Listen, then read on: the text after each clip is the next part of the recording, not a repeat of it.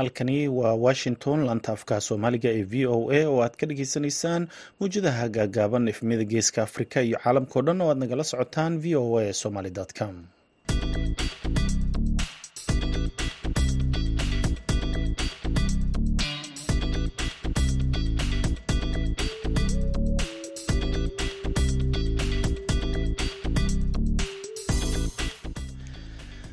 wanaagsan dhegeystayaal waa jimco. Bisha disembar ee sanadka laba kun iyo saddex iyo labaatankana waa sideed afrikada bari saacadda waxay tilmaamaysaa kowdii iyo barkii duhurnimo idaacadda duhurnimona waxaa idinla socodsiinaya anigoo ah cabdulqaadir maxamed samakaab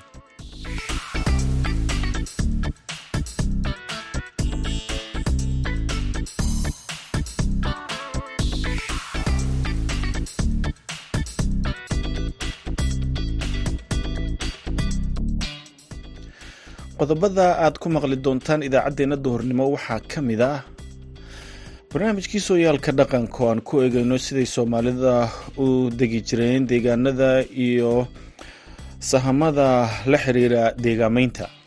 Dee meel dooxa haddaad degtid waxa weeyaan dareerkii biyood baa ku qaadaya.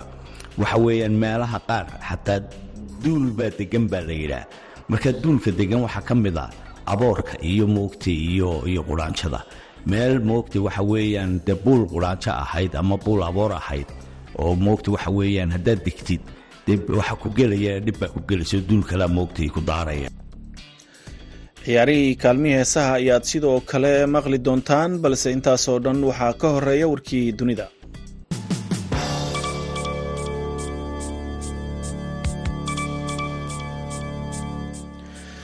israel ayaa sii xoojisay jimcada maanta ah weerarada duqeymaha cirka iyo kuwa dhulka ay ku hayso magaalooyinka muhiimka ah ee gaza iyo agagaarkeeda iyadoo ay korortay tirada dhimashada ee dadka falastiiniyiinta.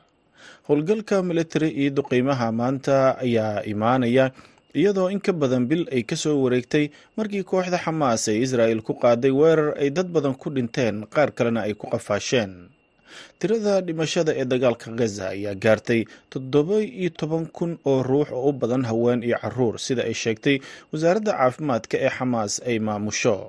Ciidamada israa'el ayaa isku gadaamay xarumaha waaweyn ee magaalooyinka iyaga oo doonaya inay burburiyaan xamaas khamiistii shalay. In ka badan saddex boqol iyo konton qof ayaa ku dhintay kumanaan kalena guryahooda ayay ka carareen kadib markii ay sii xoogeysteen.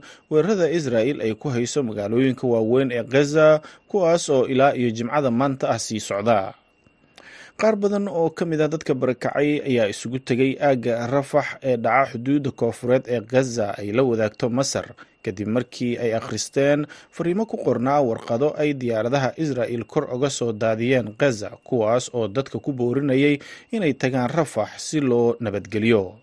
Qaramada midoobey ayaa sheegtay inaysan jirin goob nabdoon oo gaza ku taalo sida ay sheegeen saraakiil ka badan shan iyo siddeetan boqolkiibana dhulka ay deganaayeen ilaa iyo laba milyan oo qof ayay dadka hadda ka barakaceen.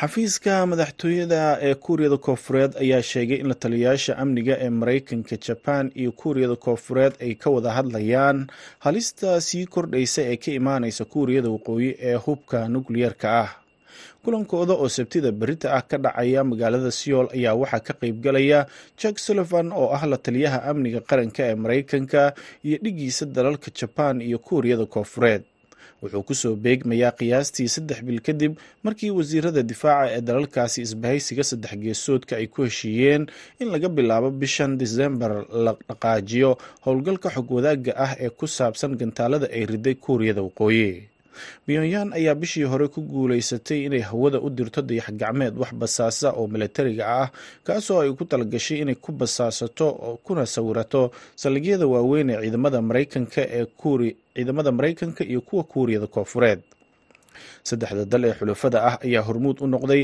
dhaleecaynta caalamiga ah ee loo jeedinayo waqooyiga kuuriya ee ku aadan ku-xadgudubka qaraaro badan oo golaha ammaanka ee qaramada midoobey ay soo saareen kuwaas oo pyonyan ka mamnuucaya tijaabooyinka loo isticmaalayo tiknolojiyadda balastiga ah ee loo adeegsado gantaalada taas oo sii kordhisay xiisadda gobolka. Dhageystayaal warkeennii dunidana waa naga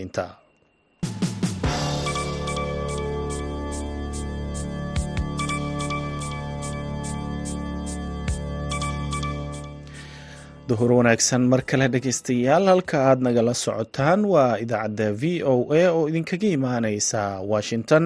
Haddana waxa aad ku soo dhowaataan barnaamijkii sooyaalka dhaqanka waxaana toddobaadkan soo jeedinaya haashim sheekh cumar good oo ku sugan magaalada boorama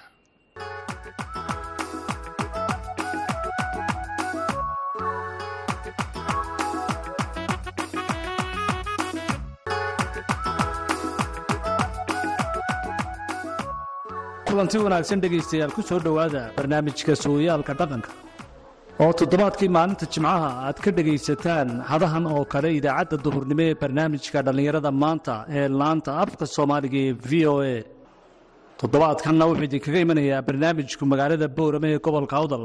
Waxaan ku soo qaadan doonaa degsiimadii hore ee sooyaalka dhaqanka soomaalida iyo habkii ay dhulka u degi jireen ee deegaanada ay ku noolaayeen wakhtiyadaa hore ee sooyaalka dhaqanka soomaalida. Waxaa barnaamijkeenna inoogu martiya aqoon-yahan abwaan cabdirasaaq daahir cabdi oo ka mid ah aqoon-yahanada inta badan wax ka qora dhaqanka iyo sooyaalka soomaalida.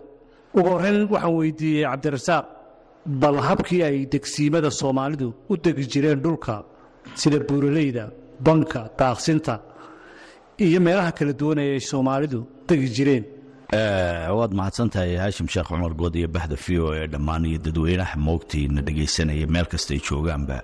Waxaan leeyahay ahlan wasahlan haddii aan ka jawaabo moogta su'aasha degsiimada dhulka layskama dego. Dhulku waxa weeyaan meelo duraana buu leeyahay oo dhib leh. Waxa uu leeyahay meelaha dhibtale waxaa ka mida tusaale aan ku siihiyo waxa weeyaan dee meel dooxa haddaad degtid. Waxa weeyaan dareerkii biyood baa ku qaadaya waxa weeyaan meelaha qaar xataa duul baa degan baa la yidhaah. Marka duulka degan waxaa ka mid a aboorka iyo moogta iyo iyo quraanjada meel moogta waxa weeyaan dee buul quraanjo ahayd ama buul aboor ahayd oo moogta waxa weeyaan haddaad degtid dee waxa ku gelaya dhib baa ku gelayso duul kalea moogtay ku daaraya. Xubnaha dhulkay kala yaqaaneen dadku iyagoo aad moodaysid in tobografiyada dhanka moogta waxa weyaan ciidanka ama difaaca ku fiican oo waxay ahayd meeshaa la degayo. Meel beeshaa degtay ama moogtay bulshadaa degtay ku fiican habka moogtay waxa weyaan weerarada iyo dagaalka iyo difaaca intaba. Waxa kaloo moogtay jirtay in dhanka kale ay ka ahaayeen jomitiro oo moogtay xubnaha dhulka iyagoo garanaya samayn jiray meelaha la dego. Markaa moogtay ninbaa moogtay horkacaya moogtay beesha hogaaminaya ama bulshada. Ninkaa hogaaminaya beesha masahan buu u ahaa degsiimada iyo qormada marka ay degayaan dadka reer guuraaga ah ee soomaaliyeed dhaqan ahaan. Markaa moogtay degsiimada ninka moogtay waxa weyaan marka uu soo helo meel ninka u daaqsinta u moogtay sahan tegey ama baadka u sahan tegey markuu soo arka meel uu soo noqon jiray wuxuu odhan jiray meel baa jirta roob ku da'ay oo moogtay doog leh oo moogtay waxa weeyaan dhirtii moogtay uu fuushan yahay ubax iyo wixii moogtay ka baxay mank ay ka soo baxay. Kadibna moogtay waxa weeyaan waxaa la diri jiray nin odaya oo moogtay reer ka tirsan. Marka uu soo arki jiray habkii loo degi lahaa buu markaa farsamayn jiray. Marka wuxuu odhan jiray halkaasi waa deegaan halkaas waa dabayle celis ama dugsi halkaasi waa day halkaasi waa daykaynta geed halkaasi waa digagubkii halkaasi waa deegaan halkaasi waa dabayle celis halkaasi waa daykaynta geed halkaasi waa digagubkii halkaasi waa deris biyood halkaasi waa dugsiimo reer halkaasi waa duunyiya dabaal halkaasi waa daari iyo rogaal halkaasi waa daymo iyo qurux halkaasi waa daadmarkii halkaasi waa dariiqa aadistii halkaasi waa halkaasi waa dufiyo bakti dufiyo bakhtiya geyn halkaasi waa dufiyo bakhtiya geyn halkaasna waa suuqdegiis halkaasi waa difaaca guud. Saasuu u kala sheegi jiray markaa ciddan uu u tilmaamayo goobahaasi kala duwan ee uu u kala tilmaamayo meel walba meel walba waxa ka xiga iyo dhinac walba degsiimada waxa ka xiga waa kuwii dadka uu tilmaamaya. Okay wuxuu tilmaamayaa dadkan soo guuraya ee degaya. Waxaa loo degi jiray markii hore moogtay ama jees baa degi jiray. Waxaa degi jiroo kale beel baa degi jirtay. Beel maaha bulshaa degi jirtay. Marka bulshaduna moogtay magaala markaa imanaysa. Oo degmo moogtay waxa weeyaan bulsha ugu yar degmo waxa dega. Inta kale beelna waa moogtay tuulo oo kayjaas iyo moogtay wixii ka sokeeya moogtay reere familiyina waxa weeyaan waa meel baadiye ah saasay moogtay waxa weeyaan u degi jireen. Marka dadkiibuu u sheegayaa soo guuray. Waxa dhici kara meesha loo soo guuray. In ay noqoto meel loo soo baadiye biyo doonto oo ay soo degaan beelo. Marka bulsho marka la leeyahay waa beelo badan oo isku tegay afka soomaaliga. Marka waa kii moogtay lahaa ninkii la odhan jiray annagoo bulsho ahoo banka joogay qoraxay bimacnaa beelamaanaanu ahayna beele isku tegay baanu ahayn.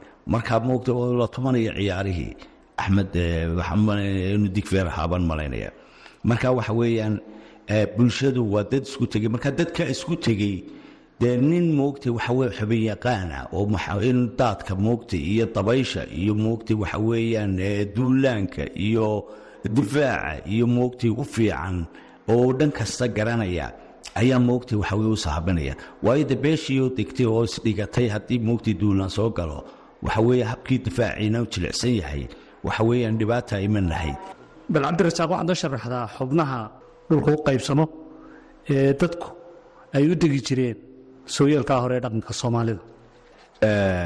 Horta ogow dhulku waaba day dayna waxaa la yidhaha waa meel moogtay jiq ah oo moogtay aan la degin oo cidi degin oon deegaan noqon. Marka ogow dhulku waaba day degsiin iyo nool ahaan dareemiya daad ka baxo iyo geed damal hadhweyn dad iyo duunyaba u roon. Meer beer iyo degel rogaal daari iyo reer dabaal dugsiimi iyo kale dareer dadban daadkii socdana. Dabayl waxqaada iyo daroor roobkii ku da'a duufaan ufaliyo geydh duraan halistiisa badan ogow docdiyo duleed xoolo lagu soo dabrado maqal ardaa daaqda iyo dudada reerka a ku hadha dambas iyo digadhiglo ogow lagu daadsha meel dariiq iyo dowlahaan dan iyo aadaysa meel dareenkiiyo maanka iyo dadkuba ay tabaxayaan.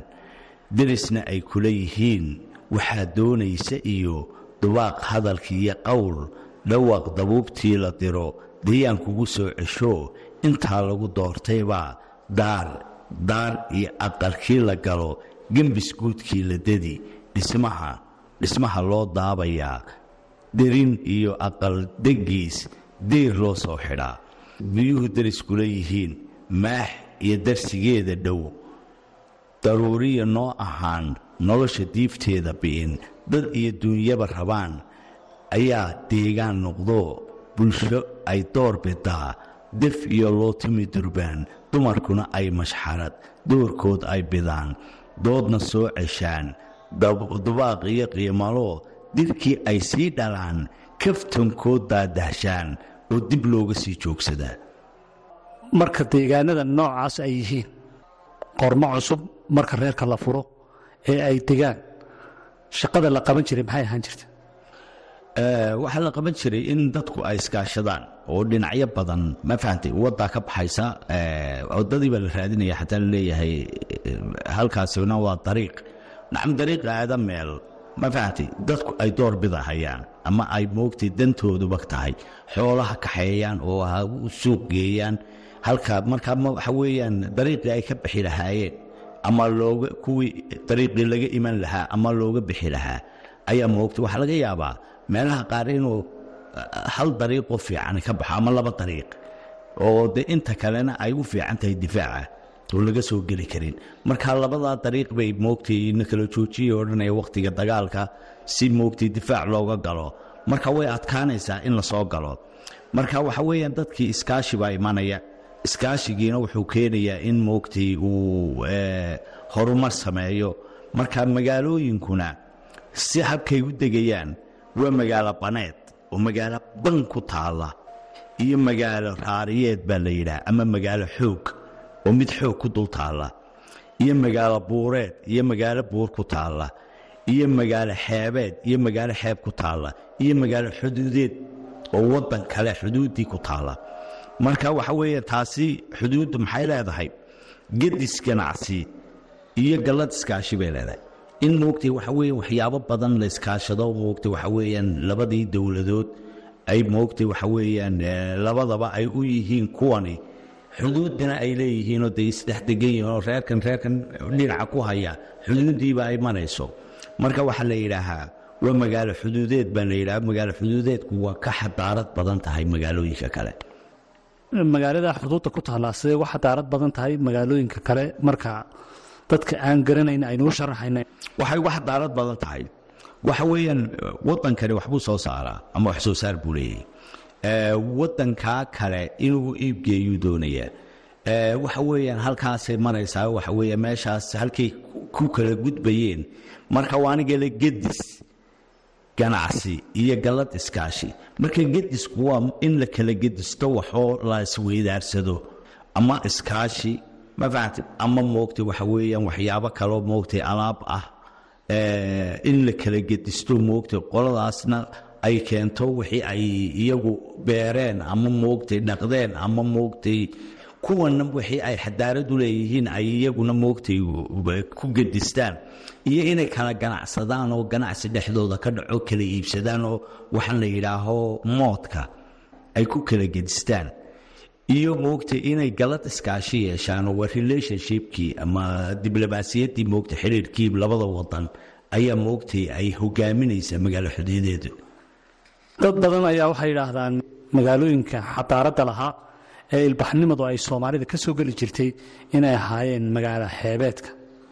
Wax jira bay ahayd mise dadku iyagaa iska mala awaale okay waa jiraysay. Oo waxa weeye ilaa imikadana way jirtaa laakiin moogtay berigii hore way ka xoog badnayd.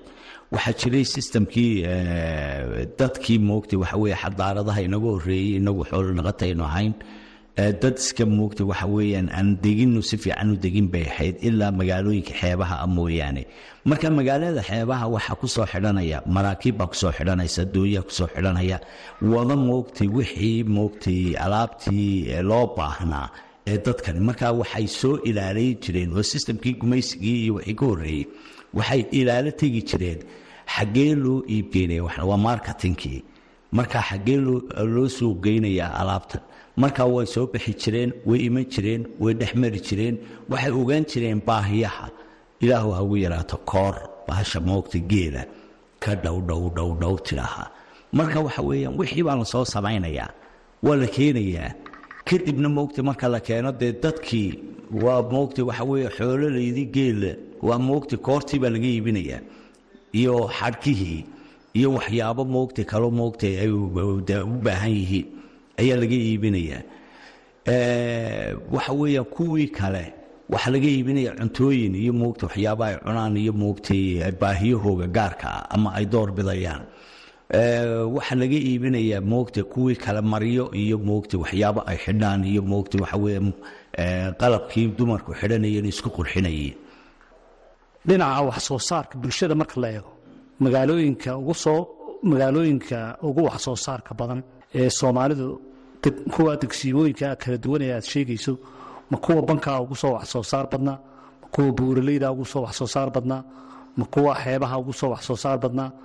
Ma kuwa magaalo xuduudeedka ah ayaa ugu soo wax soo saar badnaa kuwees leedahay dhinaca wax saarka iyo tacabka. Waxa weeyaan horta number one waa magaalo xuduud waxa weeyaan waa magaalo xeebeed ah. Magaalo xeebeedu waxa weeye dekedihii bay leedahay waxay leedahay moogtay airbodyadii waxyaaba soo gelaya. Marka magaaladaasi waxa weeyaan way ka moogtay dhaqaalo badan ama wax soo saar badan inkan badan tahay. Waxaa ku xigta magaalo moogtay xuduudeeda oo iyadana moogtay waxa weeye kastanadii iyo wixii iyo moogtay gediskii iyo ganacsigii iyo wixiiba uga socdo. Kadibna moogtay waxa weeyaan waxaa ku xiga magaalo buureed magaalo baneed baa ku xiga.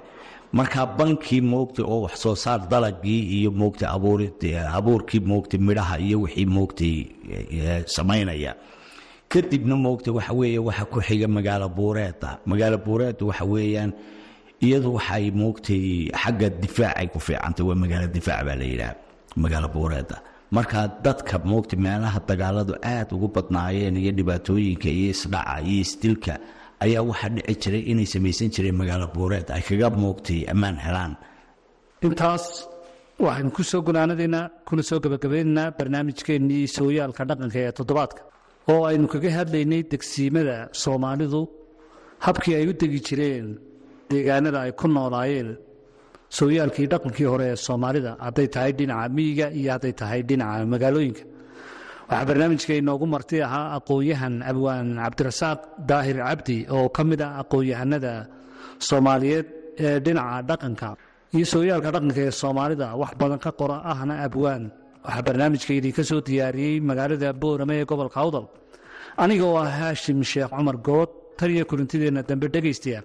Waxaan idinkaga tegayaa sidaas iyo kulanti wanaagsan oo dambe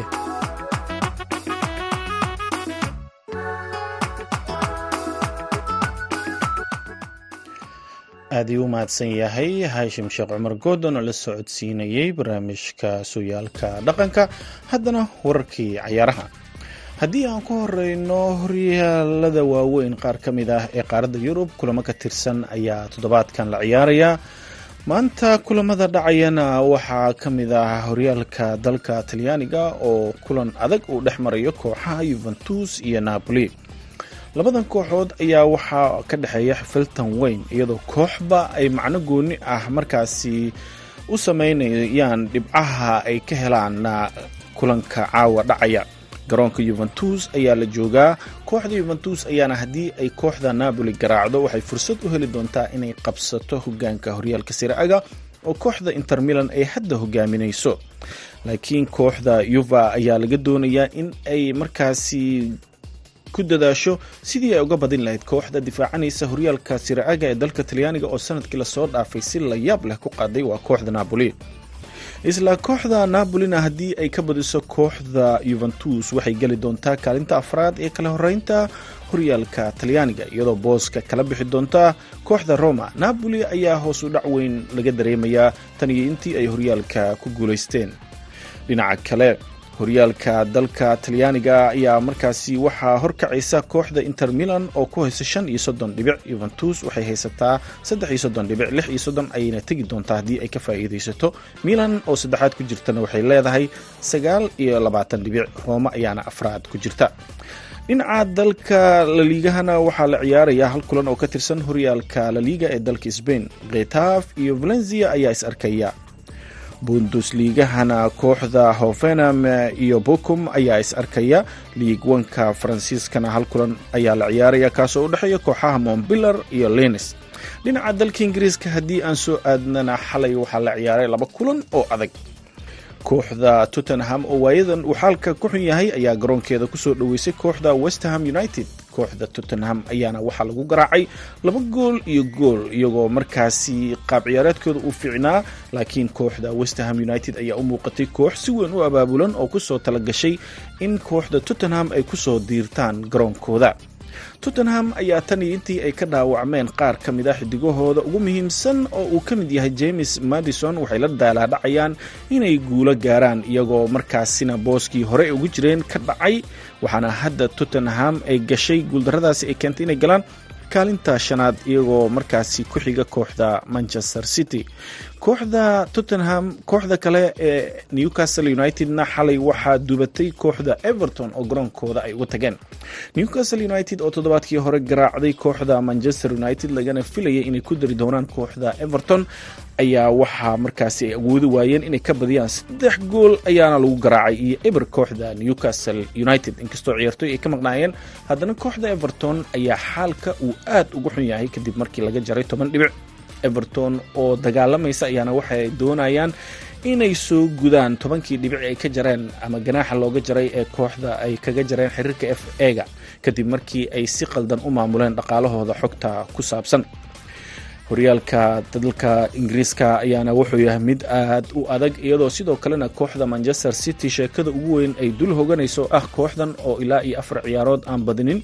Ciyaartii u dambeysana laga adkaaday. Beb guardiola ayaa hadda u muuqda mid cadaadiska uu ku sii kordhayo. Kooxdan ayaana dadka qaar la yaaban maadaama saddexley ay ku guulaysteen xilli ciyaareedkii la soo dhaafay. Natiijooyinka kulamadan waan idiin soo gudbin doonaa wararkeennii cayaarahana waa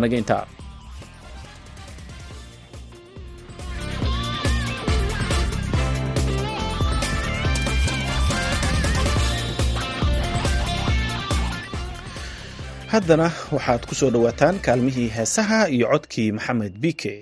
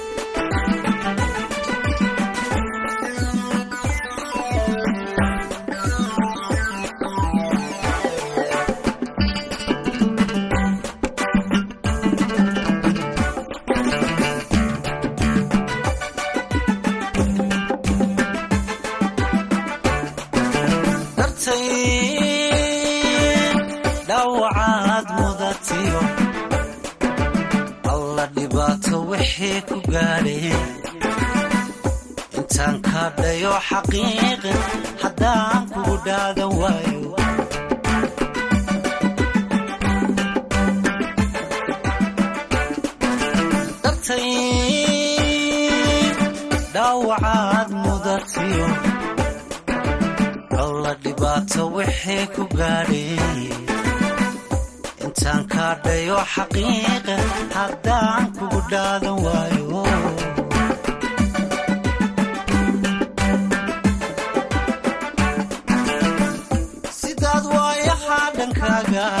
dharaarugu leeci weyday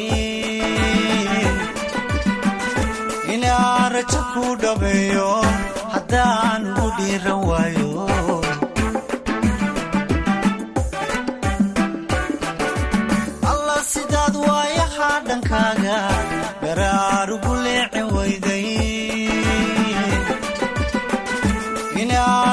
ku dhameeyo haddaan ugu dhiiran waayo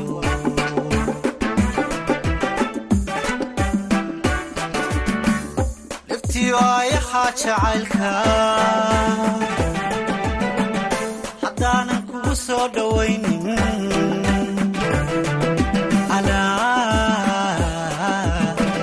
deelsada xaggayga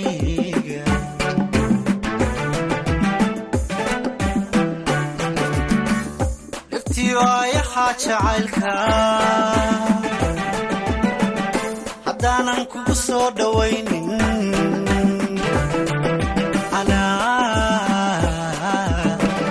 deelsada xaggayga